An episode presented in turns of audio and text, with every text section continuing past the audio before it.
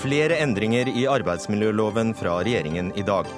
Et alvorlig angrep på det organiserte arbeidslivet, eller frihet og fleksibilitet for den moderne arbeidstaker.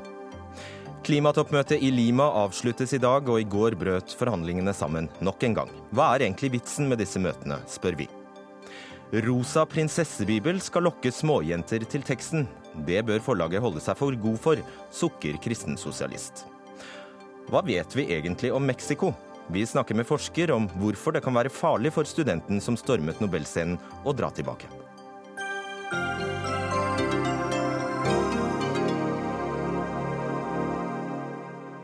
God fredagskveld, velkommen til Dagsnytt 18 på P2, NRK2 og Alltid nyheter. Jeg heter Fredrik Solvang. Vi får også besøk av en tidligere biskop som jaktet på våre røtter og fant nasjonalpoesien. Og det ble til bok. Men først. Endringer som vil gi den enkelte større frihet til å kunne avtale gode, familievennlige arbeidstids arbeidstidsordninger, som arbeidsminister Robert Eriksson formulerte det. Eller endringer som flytter makt fra arbeidstakere til arbeidsgivere. Som gir mer uønsket overtid, lengre pålagte arbeidsdager og mer tvungent søndagsarbeid. Tolkningene av regjeringens forslag til endringer i arbeidsmiljøloven spriker i alle retninger. Forrige fredag handlet det om midlertidige ansettelser og aktivitetsplikt for trygdede. I dag handlet det om arbeidstidsbestemmelser, søndagsarbeid, vetorett for sentrale fagforeninger, økt straff for brudd på arbeidsmiljøloven og fjerning av den kollektive søksmålsretten. Arbeidsministeren eller noen av hans tre statssekretærer eller politisk rådgiver kan ikke stille i Dagsnytt 18 av ikke oppgitte grunner. Men da er det jo ekstra hyggelig å ha deg her, Stefan Heggelund. At man er fjerdevalg. Ja, ikke sant? Men du er hjertelig velkommen. Arbeidsdagen skal altså utvides fra ni til ti timer ved individuell avtale, og fra ti til tolv og en halv timer ved lokal avtale. Er det altså én time som skiller denne regjeringen fra forrige? Ja, det er riktig. Og det, de endringene vi nå gjør, det betyr at det blir enklere for lokale tillitsvalgte å avtale arbeidstid med lokal arbeidsgiver. Og Grunnen til det at det er viktig, det er jo nettopp fordi at eh, det er lokalt man vet hvor skoen trykker. Og vi ser jo der man har hatt eh, forsøk med ønsketurnus så har trivselen blant de ansatte gått opp, sykefraværet har gått ned, og der man har forsøkt i helsevesenet, så har brukertilfredsheten også gått opp. Så dette handler rett og slett om at man lokalt skal få lov til å bestemme litt mer selv. Så totaliteten i de endringene som er foreslått i arbeidsmiljøloven, er altså for det første at man senker terskelen inn til arbeid, noe som er bra for over de for de over 700 000 personer som står i utenforskap i Norge i dag.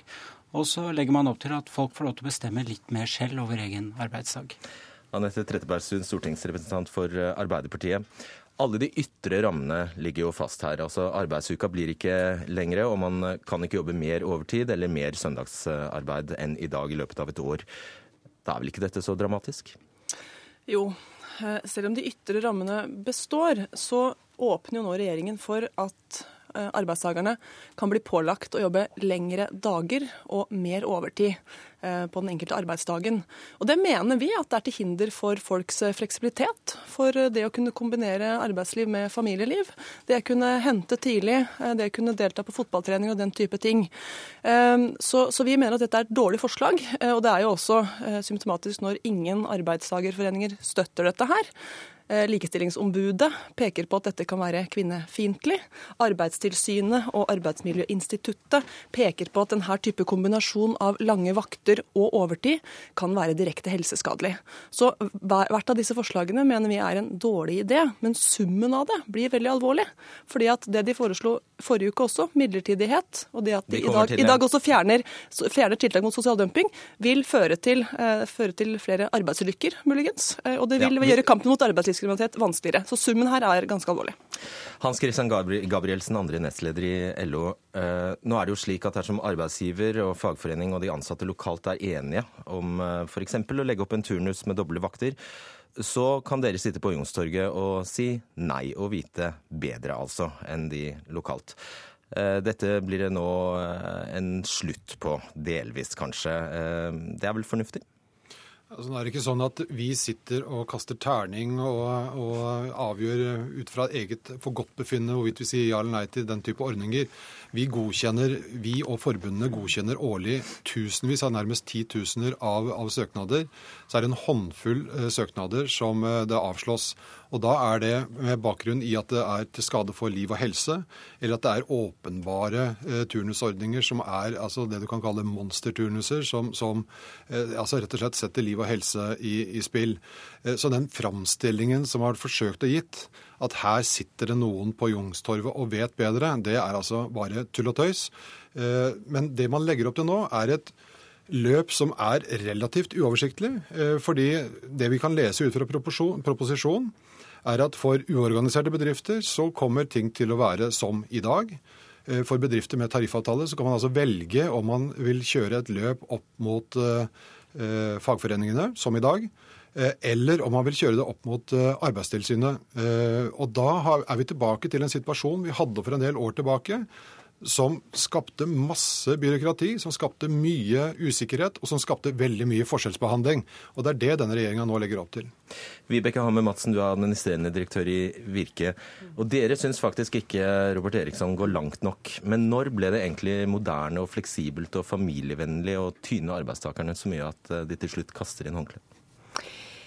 Ja, Nå er det jo sånn at det er noen områder her. Ja, det er litt på eh, lokale for, eh, forhandlinger som vi er positive på. Men eh, dette går ikke eh, langt nok, eh, slik virksomhetene hadde også forventet og ønsket seg. Og det dreier seg jo ikke om å tyne arbeidstakeren. Slik er det jo ikke. Eh, heldigvis, i norsk arbeidsliv. Der er det, du vil ha 15-timersdager, du? Er det, er det bra. Vi i Virke eh, hadde ønsket at vi skulle gå lengre. Det viser også vår, eh, vårt høringssvar. Og vi håpet på en absolutt en større kake, og sitter igjen, opplever vi, med ganske lite. Så å høre reaksjonene fra mine begge sider på dette, ja det vet hva, jeg kjenner meg ikke igjen. For dette er å gå langt over støvleskafter. Fordi dette vil jo overhodet ikke rasere norsk arbeidsliv.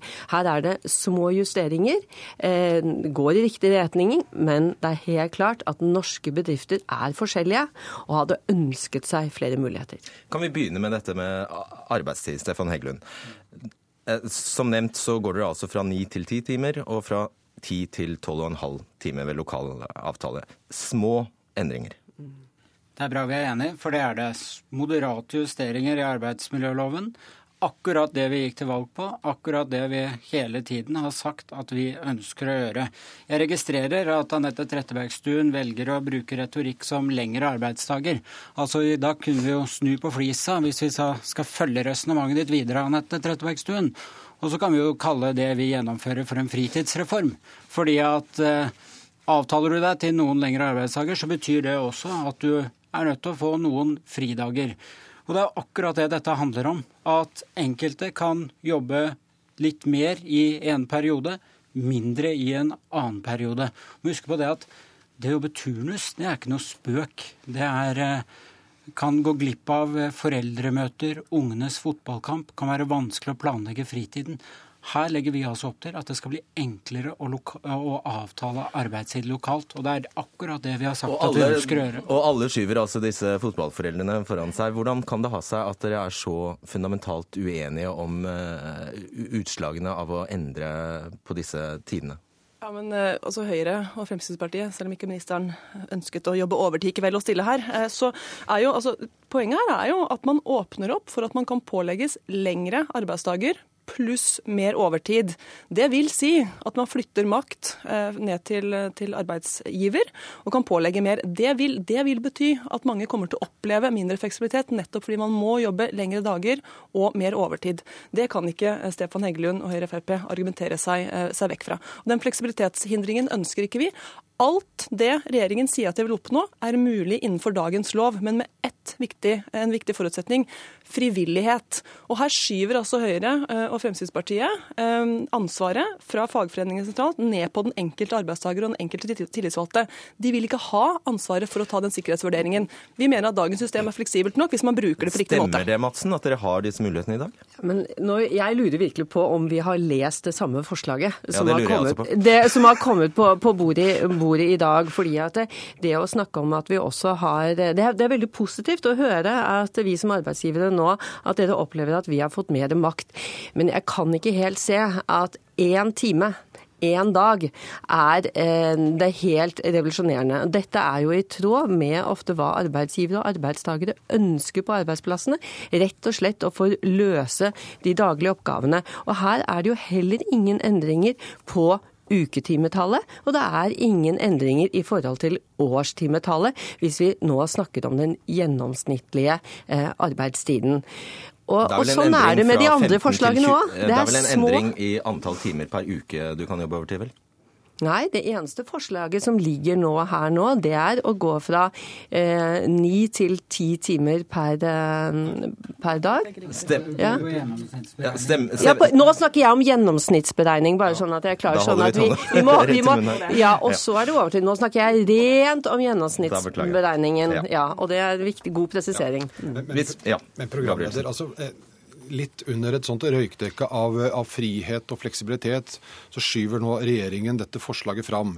Eh, forrige uke så var det eh, midlertidig, ansatte. midlertidig ansatte, og da med svake grupper som unge og uføre som ble skjøvet foran. Men faktum er at dette forslaget bidrar jo nettopp til det motsatte. Det bidrar ikke til mer frihet for den enkelte. Frihet betyr jo at du faktisk selv kan velge. Dette forslaget bidrar til at makten forskyves fra arbeidstaker og over til arbeidsgiver. Så arbeidsgiversiden Vibeke, den, den styrkes. Eh, og det er ikke sånn at som, som, arbeidsministeren gir uttrykk for at det er fred og harmoni på alle arbeidsplasser, og at maktforholdene er, er, identiske. Det er faktisk sånn at det er arbeidsgiver som er den sterke part i et eh, avtaleforhold. Dette blir ytterligere forsterka nå, og mulighetene dine til å kunne si nei kommer til å forringes. Og særlig også eh, Særlig også når det gjelder søndagsarbeid. For her har man faktisk altså endra lovens utgangspunkt. Fra å være en dag hvor det i utgangspunktet ikke er lov til å arbeide, men det kan avtales dersom eh, osv., til å endre lovens utgangspunkt til at det faktisk kan jobbes. Og det er dette striden kommer til å stå om mange ganger nå i tida framover. For da vil, da vil, arbeidsretten i den type tvister se hen til hva er det lovgiver faktisk har ment, og da er rettspraksis helt endra. Og da kan du tenke deg sjøl, hvis du står der sånn, midlertidig ansatt, og prøver å nekte og skal være likeverdig med arbeidsgiveren din, si at det, du, det passer faktisk ikke denne sjette søndagen på rad. Stefan Heggelund, eh, hvis, eh, hvis det Gabrielsen sier nå eh, stemmer, så har det jo faktisk en betydning at man endrer ordlyden her. Jo, men Den sjette søndagen på rad så vil du da fortsatt kunne ha fri. Så, og det skal altså være i en Du kan ikke bli pålagt dette. Det skal være i en avtale med arbeidsgiver. Men jeg bare har lyst til å komme tilbake til en ting Trettebergstuen sa, for hun sa noe veldig interessant, og det er veldig viktig.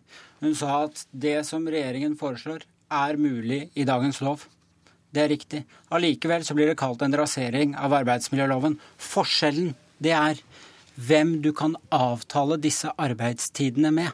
Og det er da vi sier at vi har tillit til de lokale tillitsvalgte som er ute på arbeidsplassene. Og vi har faktisk hatt møter og dialog med lokale tillitsvalgte som har vært ganske frustrerte over at de ikke har fått oppfylt sine turnusønsker. Det LO kaller monsterturnus, det er for noen andre drømmeturnus. Noen av de sektorene Vibeke Madsen representerer, der er jo bare halvparten organisert? Ja, men det blir jo også man gjør jo også oppmykninger der. Altså det, jo, man gjør jo det på gjen, det gjør man på gjennomsnittsberegning. På én time. Jeg, og det er det eneste. Og det er ingen endringer. Og så utvider man litt ja. på Arbeidstilsynet på to områder med hvilevakter og langpendlere. Det er i realiteten ingen endring for de virksomhetene. Faktisk er det sånn at det gis større muligheter nå for gjennomsnittsberegning for de med tariffavtale, som går altså fra 10 til 12,5, eh, mens for de eh, uten tariffavtale fra 9 eh, til 10. Så altså dette å å bruke så store ord på disse små endringene, det kan jeg bare ikke Nei, det det eh, forstå. Jo, men programleder, dette, dette handler jo om summen av disse forslagene. Hvis du tar hvert enkelt forslag isolert selv, så kan du kan jeg være enig med at dette er et lite, en liten endring. Men når du ser summen av de forslagene som nå eh, ligger på bordet i proposisjonen, sammen med det som kom forrige fredag, så er det, mener jeg at de ordene vi har brukt, er faktisk ikke for store eller for sterke. Men dette er faktisk en dramatisk maktforskyvning og en helt okay, la oss- endring av, av La oss, ta norsk en arbeidsliv. runde, la oss ta en runde på denne vetoretten, for der uh, later det til at dere ikke er helt enige om hva som engang står i proposisjonen. Stefan Heggelund, hva er det dere foreslår når det gjelder de sentrale fagforeningenes uh, vetorett? La oss si at du inngår en lokal avtale, ikke sant? Og så må du få den godkjent. Da kan du søke sentral fagforening. I dag kan sentral fagforening si enten ja eller nei. Hvis den sentrale fagforeningen sier nei, så sier vi at hvis ønsket på arbeidsplassen mellom både arbeidsgiver og arbeidstaker er sterkt, så skal de kunne få anke den til avgjørelsen til Arbeidstilsynet. Og det er du enig i? Det er en riktig tolkning, Trette Bergstuen? Ja, det er slik jeg også tolker det. Men det var en ordning vi hadde før. Eh, Så kom EU og sa at det var en dårlig idé, for de mente, altså EU mente at den kompetansen satt fagforeningene eh, på. Og Arbeidstilsynet ønsker heller ikke den ordningen her, for de sier også at det er mye mer effektivt, mye mer enkelt at fagforeninger gjør denne jobben, istedenfor at vi bygger opp et, mer, et nytt byråkrati som skal gjøre dette her. Ja, og som, jeg, sa, som jeg sa, programleder, altså vi behandler tusener, nær titusener av sånne søknader årlig. Eh, og dette er en rett som Arbeidstilsynet ikke ønsker seg, ikke har kompetanse til, og heller ikke ressurser til å behandle. Så Da må, la, dette er jo Men da må vi la Madsen få siste ord i Men nå er det jo slik at har du en tariffavtale, så er jeg helt enig at du kan avtale med lokale løsninger. Men hvis virksomheten har ønsker som de nå har utover det som kan avtales lokalt, så er det fortsatt slik at da må man gå til den sentrale fagforening, og de kan si ja. Men de kan også si nei til alt. Alternativ kan de gå til Arbeidstilsynet, men Arbeidstilsynet har fortsatt en begrenset eh, mulighet i forhold til det. Så vetoretten ligger der fortsatt. Og så er dere et sterkt uenige om det er bra uklarheten er fortsatt like stor. Takk skal dere ha.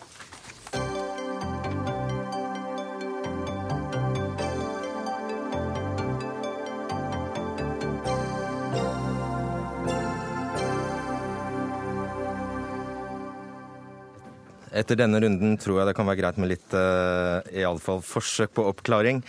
Eh, velkommen Kjetil Widsvang, du er kommentator i Dagens Næringsliv, og Magnus Takvam, politisk kommentator her i NRK. La oss ta det siste først. Dette med eh, innstillingsretten, den såkalte vetoretten for de sentrale fagforeningene.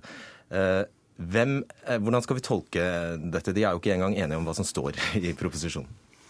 Her, eh, her hørte vi litt forskjellige definisjoner både fra Høyres representant og, og fra, fra Virke. Eh, altså, I dag er det, som, som dere var inne på, slik at man har en slags vetorett i de eh, nasjonale fagforbundene hvis man ikke blir enige lokalt.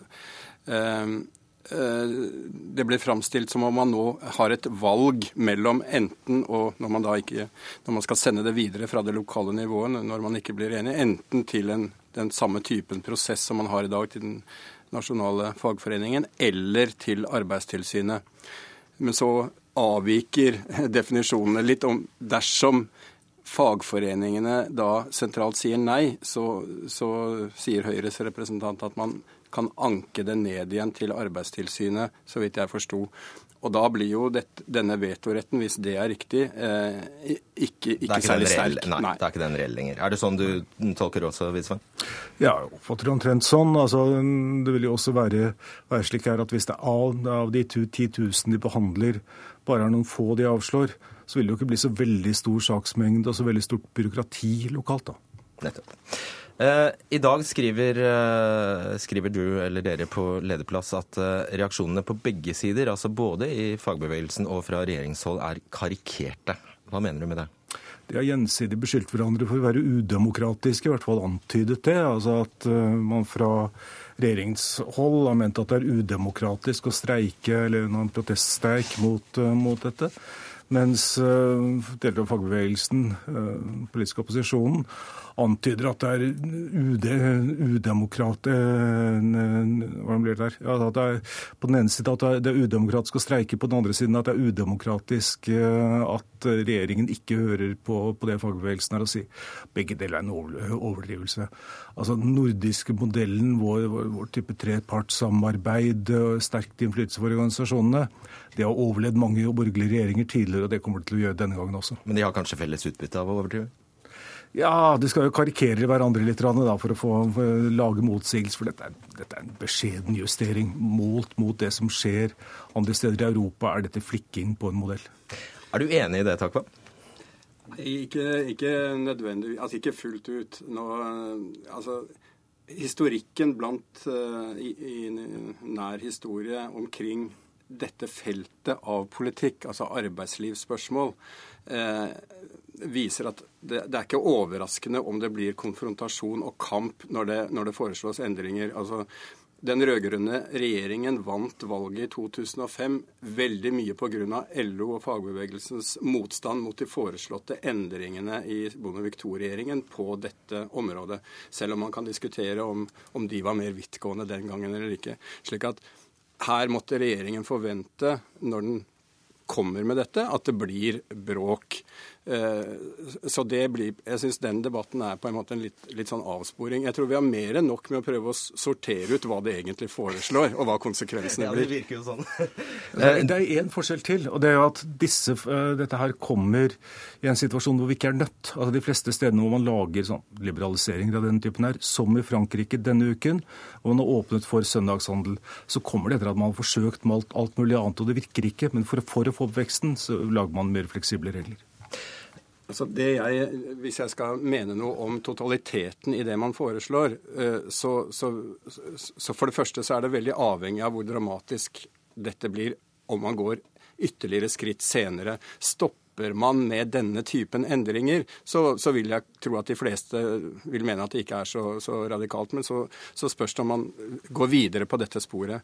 Men det som åpenbart eh, er det mest vidtgående forslaget i denne pakken, er jo forslaget om midlertidige ansettelser. Selv om det er pakket inn i en del forbehold og eh, skal vi si, begrensninger, så er det å åpne for å eh, kunne ansette midlertidig uten en spesiell begrunnelse for arbeidets karakter, det er et radikalt forslag. Og det måtte man forvente blir bråk om. Og der har jo også NHO faktisk signalisert at virker det ikke etter hensikten, så er de åpne for å reversere det. Er det så radikalt at det borger for uh, politiske fin, streiker? En fin ting ved dette her er jo nettopp, eh, nettopp det altså at begge parter sier at her har man et forslag som vil gi konsekvenser på den ene eller den andre måten.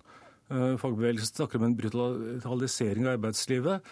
Eh, Eriksson sier at dette skal gi flere, denne midlertidighetsreformen skal gi flere, mer, flere arbeid.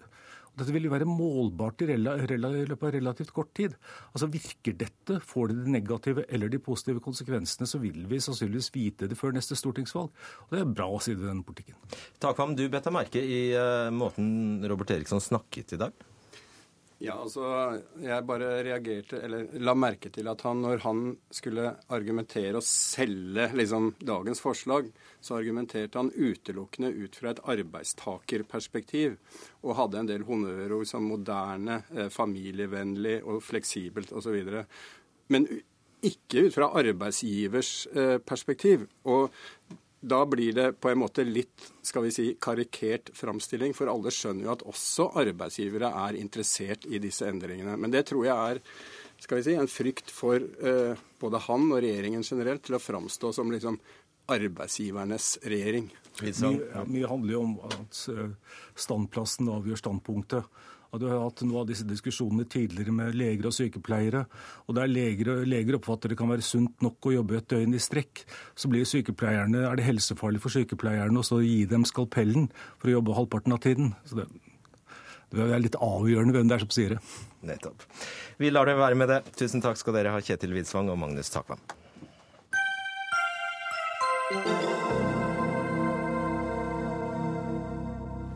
I dag avsluttes klimatoppmøtet i eh, Lima i Peru. og Dette er altså det 20. klimatoppmøtet siden 1992, hvor tusenvis av delegater fra hele verden har møttes for å få til en forpliktende og global klimaavtale.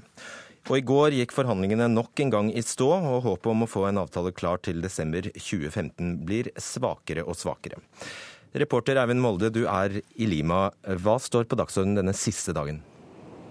Ja, Dette er jo blitt en veldig spennende dag. Eh, egentlig. Det brøt sammen i går. Alt her det var full stopp i forhandlingene. Og så tok altså eh, eh, miljøvernministeren i, i, Peru, som er leder for dette møtet, ansvar og sa at nå må vi komme videre. Han la fram eh, et nytt forslag til sluttekst. Og eh, den blir nå eh, behandla akkurat nå i ettermiddag norsk tid. Den er på fire sider.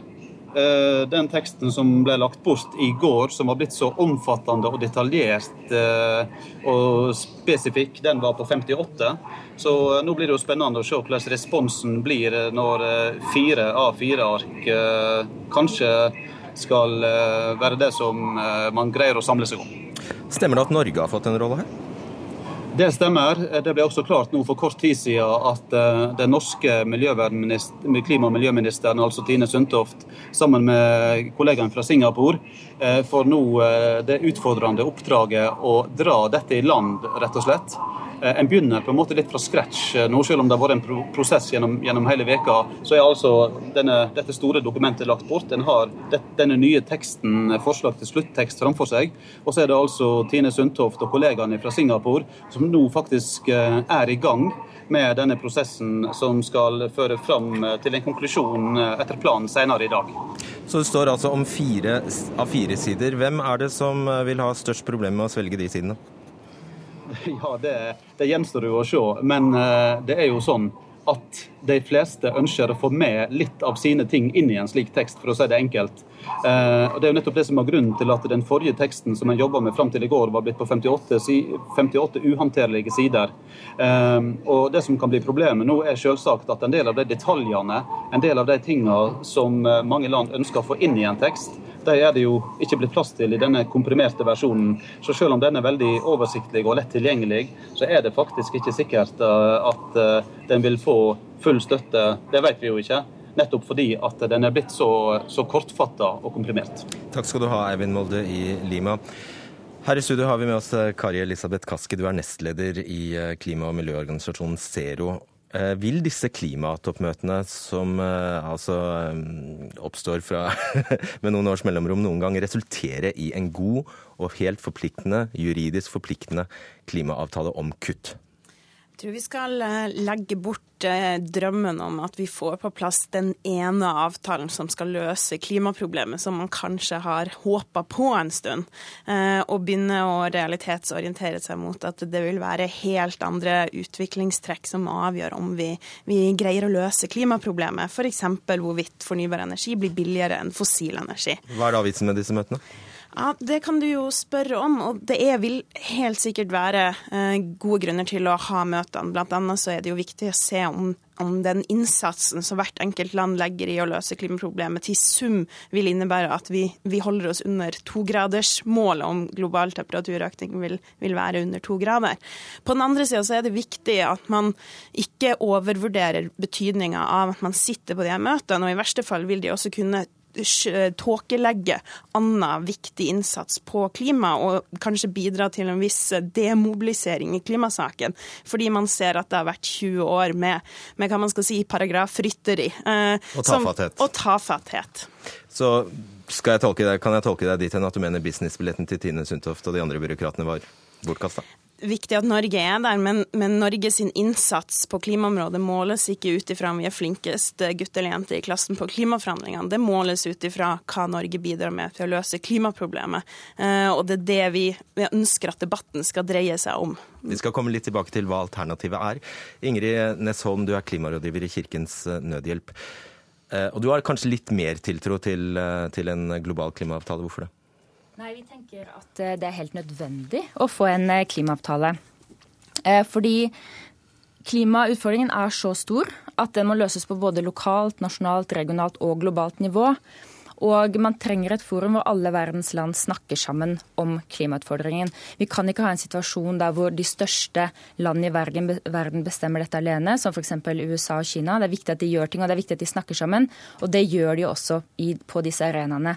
Og eh, når de møtes der, så er det også veldig mange fattige land som møtes der. Og det er jo de som kjenner klimaendringene hardest og tydeligst på kroppen. Og da er det viktig at alle møtes på dette globale nivået. Men ser du det poenget, at det kan faktisk virke mot sin hensikt og virke eh, demobiliserende når eh, omkvedet i flere år før et sånt møte som i Lima nå er at der vil de ikke komme til å oppnå noe?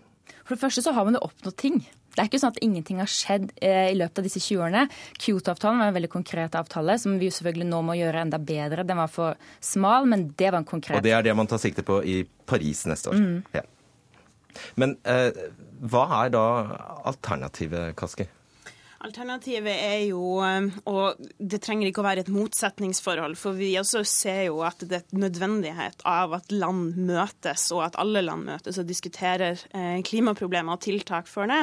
Men det er to ting som er, sentralt, og det er at enkeltland, små og store, kan gå foran og gjøre en forskjell internasjonalt. Norge er et av de landene som bør gå foran. Og der er det jo viktigere at Norge tar med til eh, forhandlingsbordet i Lima eh, f.eks at oljefondet skal begynne å investere i fornybar infrastruktur i, i, utviklingsland, enn at Norge kommer med veldig mye god forhandlingskompetanse. Eh, og den type enkeltinitiativ vil være utrolig viktig for å dra klimaarbeidet videre. Det andre er jo at vi ser at utfordringa i klimaforhandlingene er jo et gap mellom såkalte rike og fattige land, der man har eh, både fattige land som har mindre muligheter til å faktisk finansiere opp klimatiltak og fornybar energi, men også eh, ser at det er de rike landene sin, eh, sin, feil, om man skal si det sånn, til at vi har et klimaproblem. Og deri ligger jo et stort ansvar. Vi har også med oss Steffen Kalbøkken. Du er leder for Senter for internasjonal klima- og energipolitikk ved Universitetet i Oslo, og du er i Lima. Eh, er disse forhandlingene noe mer enn et politisk fasadearbeid? Hvis vi ser på de siste 20 årene, så er det sånn at de avtalene man kommer fram til, er åpenbart langt fra tilstrekkelig til å håndtere problemet. Samtidig så skal man også se litt bredere på det, og ta hensyn til at det også spiller andre viktige funksjoner. Det ene er at de store møtene setter politikken på dagsorden nasjonalt.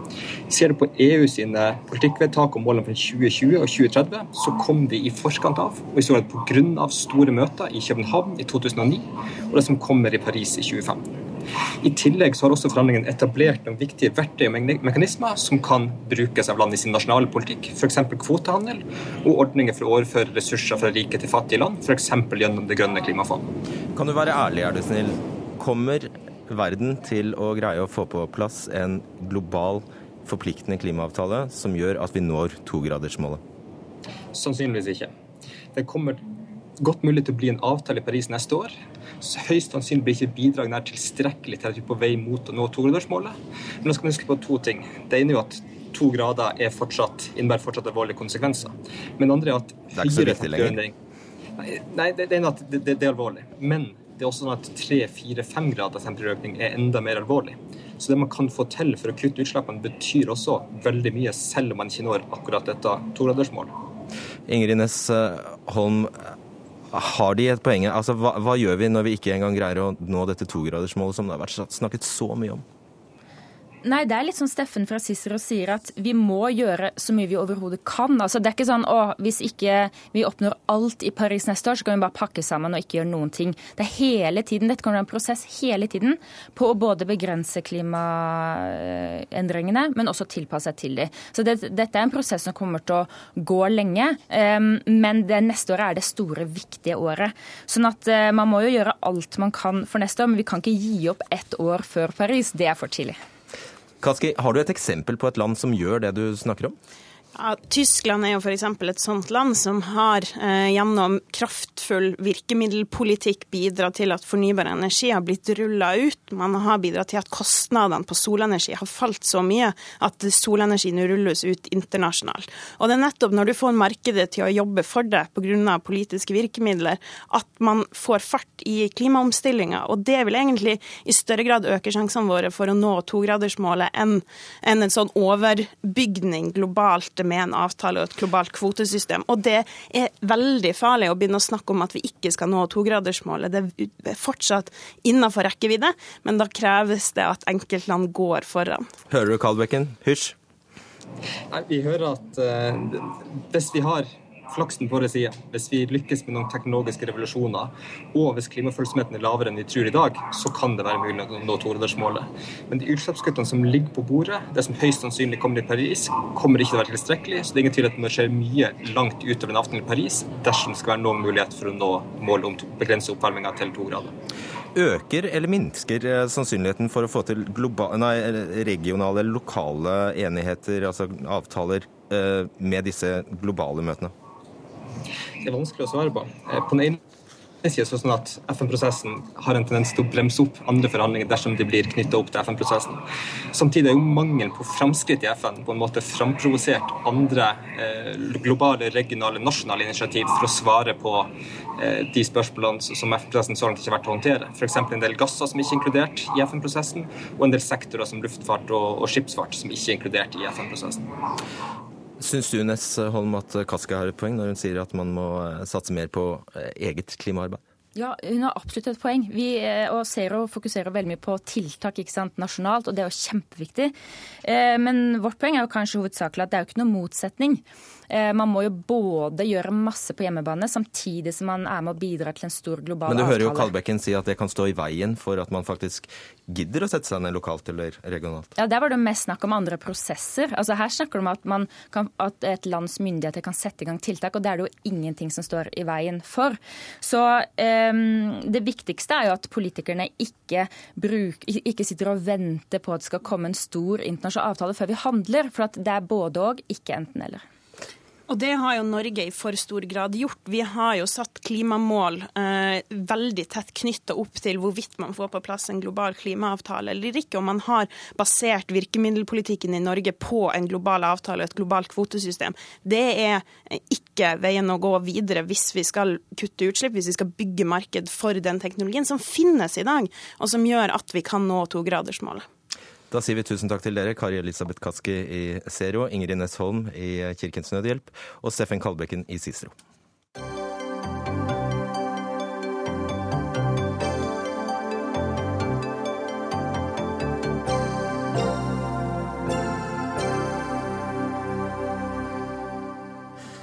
Da skal vi snakke om noe ganske annet. En rosa bok om prinsesser i Bibelen skal få flere jenter til å lese det kristne budskap.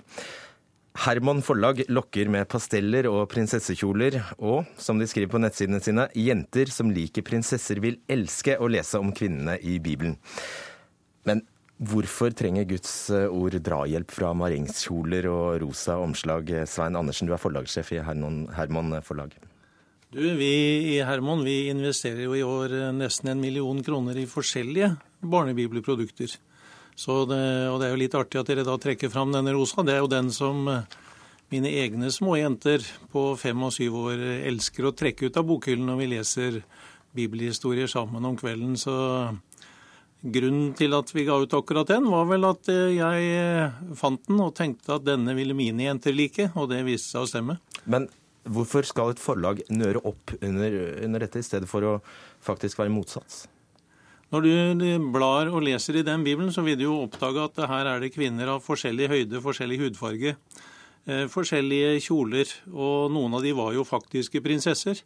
Men det var jo også fremmedarbeidere, det var prostituerte. Altså Gud brukte i bibelfortellingene kvinner på alle lag av folket.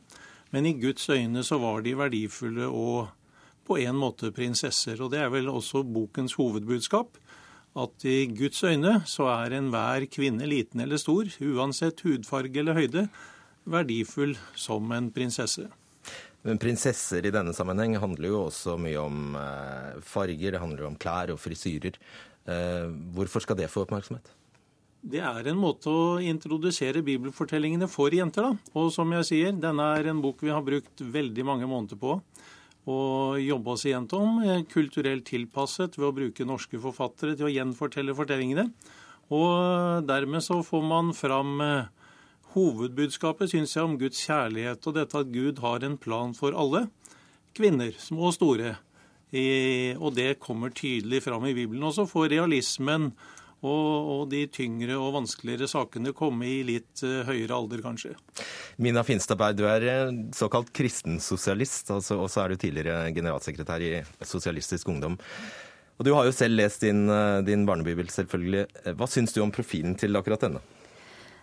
Det jeg syns er litt synd, da, er jo det at kristendommen, i likhet med andre religioner, har jo ikke en spesielt stolt historie når det kommer til likestilling og det å kjempe for at folk skal kunne ha friere kjønnsroller, snarere tvert imot. Og da skulle jeg ønske at man nå i 2014 bidro til økt likestilling og friere kjønnsroller. At barn i større grad kan få velge hvem de er, uavhengig av kjønn, istedenfor å være med å, å bruke de her stereotype grepene eh, og falle tilbake litt sånn rosa prinsesse hver gang man skal appellere til jenter. Det syns jeg er veldig synd. Jo, Hvis det er det som appellerer til jenter? Men Det kan jo være en litt sånn selvforsterkende greie. òg, ikke sant? Hvis alt jenter blir presentert for fra de er veldig små, er rosa paljetter og prinsesser, så er det noe med at det er det man opplever at man skal være opptatt av. Og det syns jeg er litt synd, er jo det at måte, man tenker at det eneste små jenter er interessert i, er rosa prinsesser. Og for at jentene i, eller kvinnene i Bibelen skal være interessante, så må de på en måte omtales som rosa prinsesser. Det syns jeg er veldig synd. Nei, Du kunne kanskje ha lagd en politisk korrekt uh, bibel som ingen vil lese, da? Nei, altså Jeg hadde jo eh, Bibelen i tekst og bilder som barn, som jeg satte veldig stor pris på. Men jeg skjønner ikke hvorfor man er nødt til å komme trekkende med eh, rosa paljetter og prinsesser hver gang man skal prøve å appellere til jenter, og hvorfor man trenger kjønnsdelte barnebibler. Eh, Andersen, hvilket ansvar mener du du har eh, for nettopp eh, disse kjønnsrollemønstrene, når du faktisk lar eh, jentene bli framstilt som yndige prinsesser? Du vet at, eh, som jeg sa til å begynne med, så har vi bibler som er sorte. Med, laget i skinn og med gullsnitt. Sånn det lager kjedelige ting òg, altså. Siden, siden 1900-tallet tidlig. Og vi har blå bibler, og vi har eh, den som vi tror vi kommer til å selge mest av i år, er faktisk grønn, og det er vel en politisk korrekt farge. Og Det er et utvalg av barnebibler, og vi har også da vært så heldige å få lage en rosa. og Jentene liker den, og hvis de blir eh, tent av bibelhistorien og glad i dem, så er det jo fritt for dem å velge når de kommer opp i alder, i andre farger, andre ting. Men eh, nå var jeg jo nettopp på Toys R Us her forrige helg med to gutter. Og hva var det de løp inn til? Jeg sa nå skal vi finne noe som dere ønsker dere til jul. Og det var jo biler, og det var Kaptein Sabeltann, ikke sant. Så det er jo noe som ligger i barna. Og et lite kristent forlag alene kan nok ikke skape trender verken i retning rosa eller grønn. Men vi må benytte de mekanismer som er i, i markedet for å gjøre eh, bibelhistoriene leseverdige og interessante for øynene og ørene. Det er vel et eh, poeng, Berg. Det er vel ikke akkurat eh, eh, dette forlaget som har skapt disse stereotypene?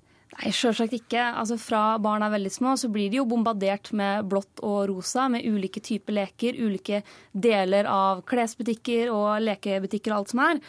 Og jeg skjønner at markedsmessig så, så er det en strategi som er lett å velge, men jeg mener som sagt også at vi som kristne også har et ansvar for å faktisk bidra til at barn som vokser opp i dag, har flere muligheter til å velge hvem de er, hva de er interessert i, uavhengig av kjønn enn det man har hatt tidligere. Det handler om, om, at vi ønsker å gå framover. Og det handler litt om den historien vi bærer med oss som kristne også. Hva vi har vært med på tidligere, at vi har et ansvar for det. Og nå kommer jo alt fra sangbøker og aktivitetsbøker til bibler i ulike versjoner for jenter og gutter. Og jeg syns ikke at vi trenger flere som giver seg på den trenden, for å si det sånn. Er det skadelig, da? Altså, jeg tror det kan være med på å gi jenter et smalere bilde av hvem de kan være, og snevre inn de interessene jentene føler de kan ha. I tillegg til at jeg syns det er kjipt at jenter må være prinsesser for at de skal kunne være interessante rollemodeller for små jenter. Ser du det poenget, Andersen?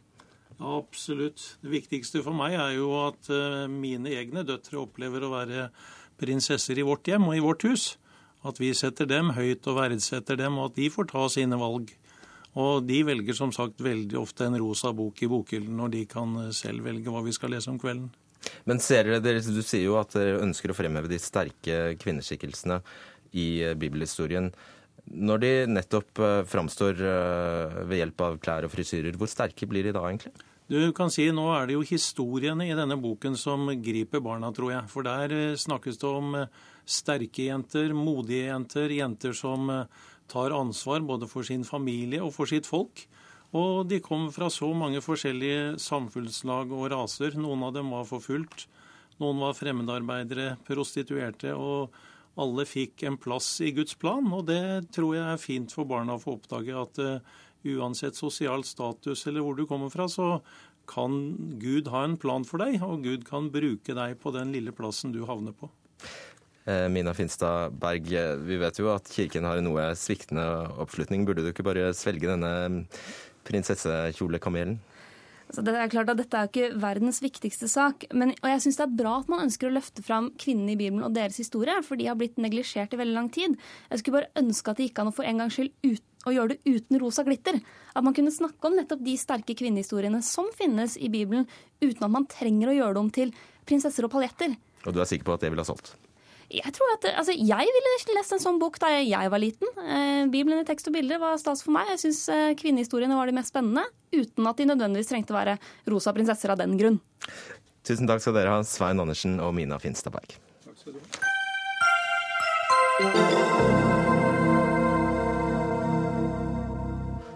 Hva i alle dager er det som skjer? Hvem er denne mannen? Hva slags flagg er det han holder?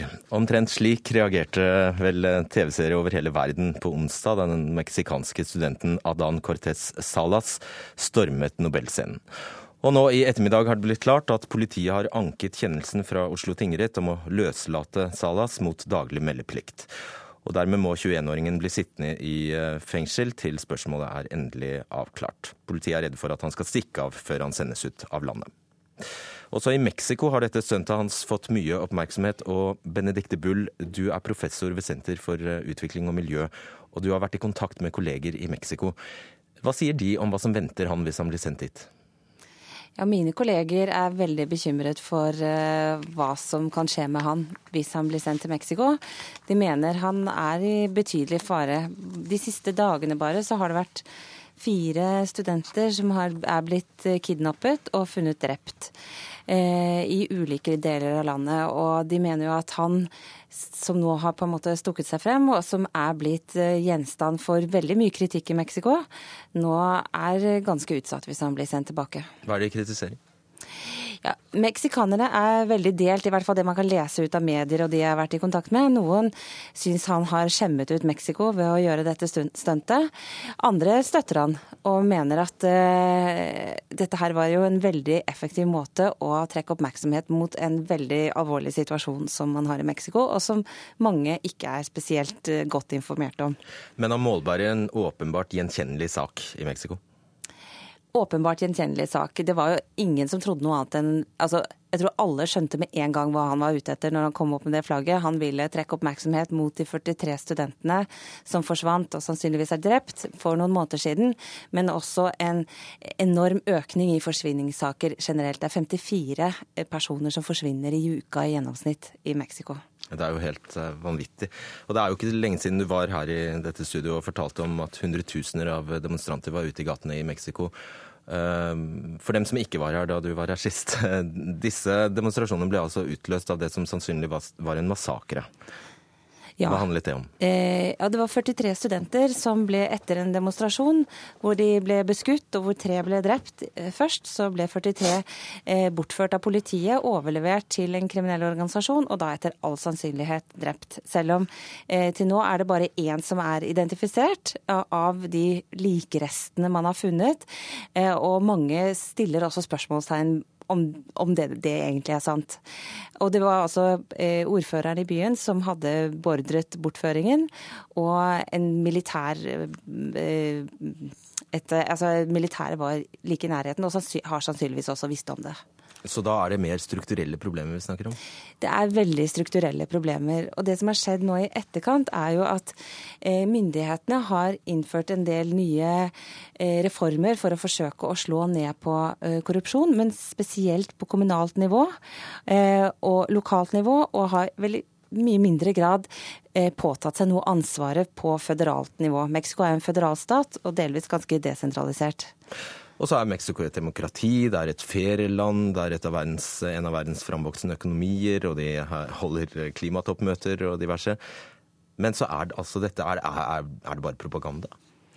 Eh, det som, altså På overflaten eh, det er, Mexico har veldig mange sider. Det er et stort land. Stort og det er, er, mange områder som er veldig fredelige. Det er flott å dra dit. Jeg vil jo aldri eh, råde noen fra å reise dit. Men, men du har et enormt problem med eh, altså denne voldsbølgen og et eh, statsapparat som er infiltrert av eh, kriminelle organisasjoner, og som også er ganske autoritært og brutalt til, til tider. og så har man denne kampen mot narkotika.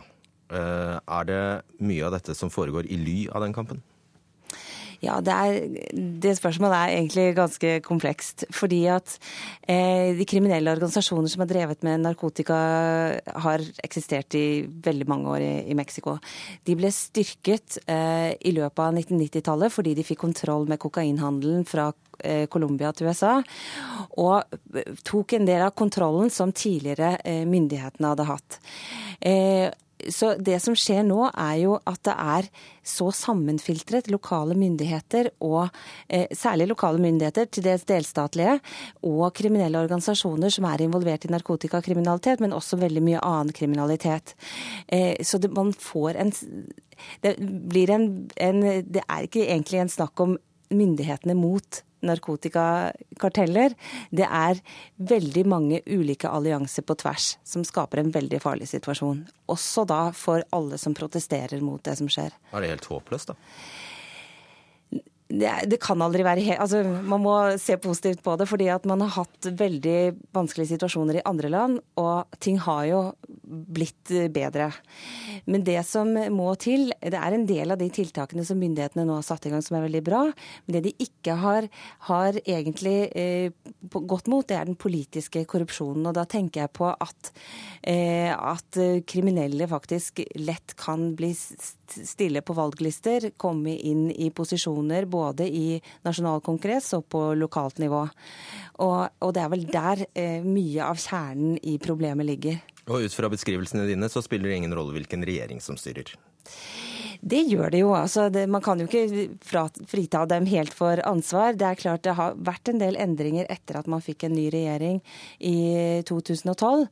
Eh, men eh, man er litt usikre på hva de egentlig har gjort, og hva som er en fasadeoppussing. Fordi Mexico har vært veldig opptatt nå av å, å, å fremstå som en fremvoksende økonomi, et attraktivt land å, å, investere i. Ikke minst fordi de har da reformert oljesektoren og, og søker nye investeringer i en, en oljesektor oljesektor, hvor også norske Statoil er en aktuell eh, investor. Da lærte vi det av deg, Benedicte Bull, professor ved Senter for eh, utvikling og miljø, og alt takket være Anan Cortez Salas. Takk skal du ha.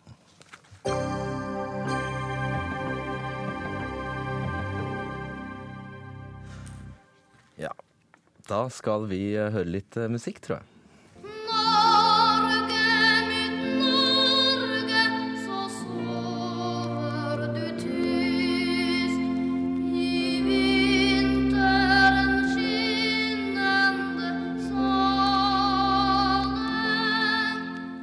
Går vi en generasjon tilbake, så var det ikke uvanlig at nordmenn kunne sitere et knippe nasjonalsanger eh, på rams, og i dag kan vel de fleste av oss knapt henge med på ett vers av eh, Ja, vi elsker. Har vi mistet en del av den norske identiteten? Det spørsmålet stiller du deg, biskop emeritus, eller avgått biskop Ernst Baasland, i den nye boka di 'Norge er større enn vi tror'. Velkommen til Dagsnytt 18. Takk. Og det var nydelig å høre dette klippet. Ikke sant? Og det vi hørte her, var altså Norge, mitt Norge. Er dette en av nasjonalhymnene som du mener har gått i glemmeboka? Ja, det vil jeg si. Altså, Den er jo fantastisk. Det er et, en drøm om et større Norge, og et eh, Norge som har kontakt med naturen. Den samme Kaspari var lidenskapelig opptatt av naturen som ressurs. Var i Turistforeningen, jobbet for at vi skulle bevare fjellheimen, og fikk reservert Jotunheimen som vår første nasjonalpark. Dette springer ut av nasjonalpoesien, og det er derfor jeg syns det var interessant å skrive om dette. Kan du ta oss tilbake til begynnelsen? Hva gjorde at du fikk lyst til å skrive denne boka? Ja, det er litt 2014, jeg må innrømme det. Og det er kommet veldig mange gode bøker om 2014. Altså grunnlovsjubileet? Grunnlovsjubileet. Og så tenkte jeg at uh, Grunnloven den er nok viktig. Historisk har den vært svært viktig. Politisk er den viktig, juridisk er den viktig. Men den betyr veldig lite for folk flest. Når jeg spør kan dere sitere litt fra Grunnloven, så får jeg veldig vage svar, må jeg jo si. Mens derimot nasjonalsangene, de definerer det norske på en helt annen måte. Og de har altså betydd mye for Norge i nasjonsbyggingen. Da må vi gå tilbake til 1800-tallet. Men også fremover. Under krigen så var det jo nasjonalsangene man samlet seg om. Og jeg tror at de er viktige enda i dag. Og da er ditt poeng vi, må, vi kan bruke denne nasjonalpolitien til å finne ut hvor vi kommer fra? Ja. Jeg tror vi trenger å være sikre på vår identitet. Altså hva vil det si å være norsk? Vi kan definere det på mange måter. Nasjonalpoesien gir oss en ypperlig anledning til å reflektere over det norske. Den beskriver norsk identitet, og den gir et uttrykk for hva det vil si å være norsk på en helt egenartet måte. Det er ikke bare det at du liker sangene og syns det er synd de blir glemt? Jo, jeg liker sangene. Men det er først og fremst innholdet i de. Og dette at det er utrolig at faktisk har sanger formet et samfunn. Og jeg tror det er poesiens form. Jeg har skrevet mye om poesi i mitt liv. Og det er dette at man i en kort form kan gi uttrykk for det viktigste. Og det gjør altså nasjonalpoesien. Hva er svaret ditt da på spørsmålet om hva nasjonalpoesien kan fortelle oss om det å være norsk? Nei, Den gir oss et bilde av et større Norge. Fordi at eh, jeg har bodd veldig mye i utlandet og reflektert over hva det vil si å være norsk ut fra det. Eh, nå bor jeg mye i Tyskland, hvor de er flau for sin nasjonale identitet. Og det kan man jo forstå. Og de sier ofte at vi er født i Tyskland, men vi er europeere. Eh, vi har mer å være stolt av. Og vi kan liksom mer direkte knytte til vår nasjonale arv og være stolt av den. Og da er det jo et knippe av tanker som knytter seg til dette. Og det begynner jo ofte i naturen, så derfor var det et fint klipp som du spilte først. Men så fortsetter det med å definere det norske som det å være del av en stor kulturell tradisjon, med frihet og likhet og rettferdighet og alt dette. Det definerer også det kristne inn i dette veldig tydelig. altså Til og med 'Ja, vi elsker' har jo nesten en sånn hymnisk avslutning. Sånn at eh, det å ha et stort syn på Norge, det er det nasjonalpoesien gir oss, og det trenger vi. Vi trenger et større Norge. Du sier vi har anledning til å være mer frimodige når det gjelder god nasjonalisme enn f.eks. tyskerne har forutsetninger for å være. Men likevel så påpeker du at etter 22.07 så la vi bånd på oss. På hvilken måte? Ja, Det var jo en tragedie, og dessverre må vi dra det med oss. Vi kan ikke bare definere Norge ut fra de beste tingene i vår historie.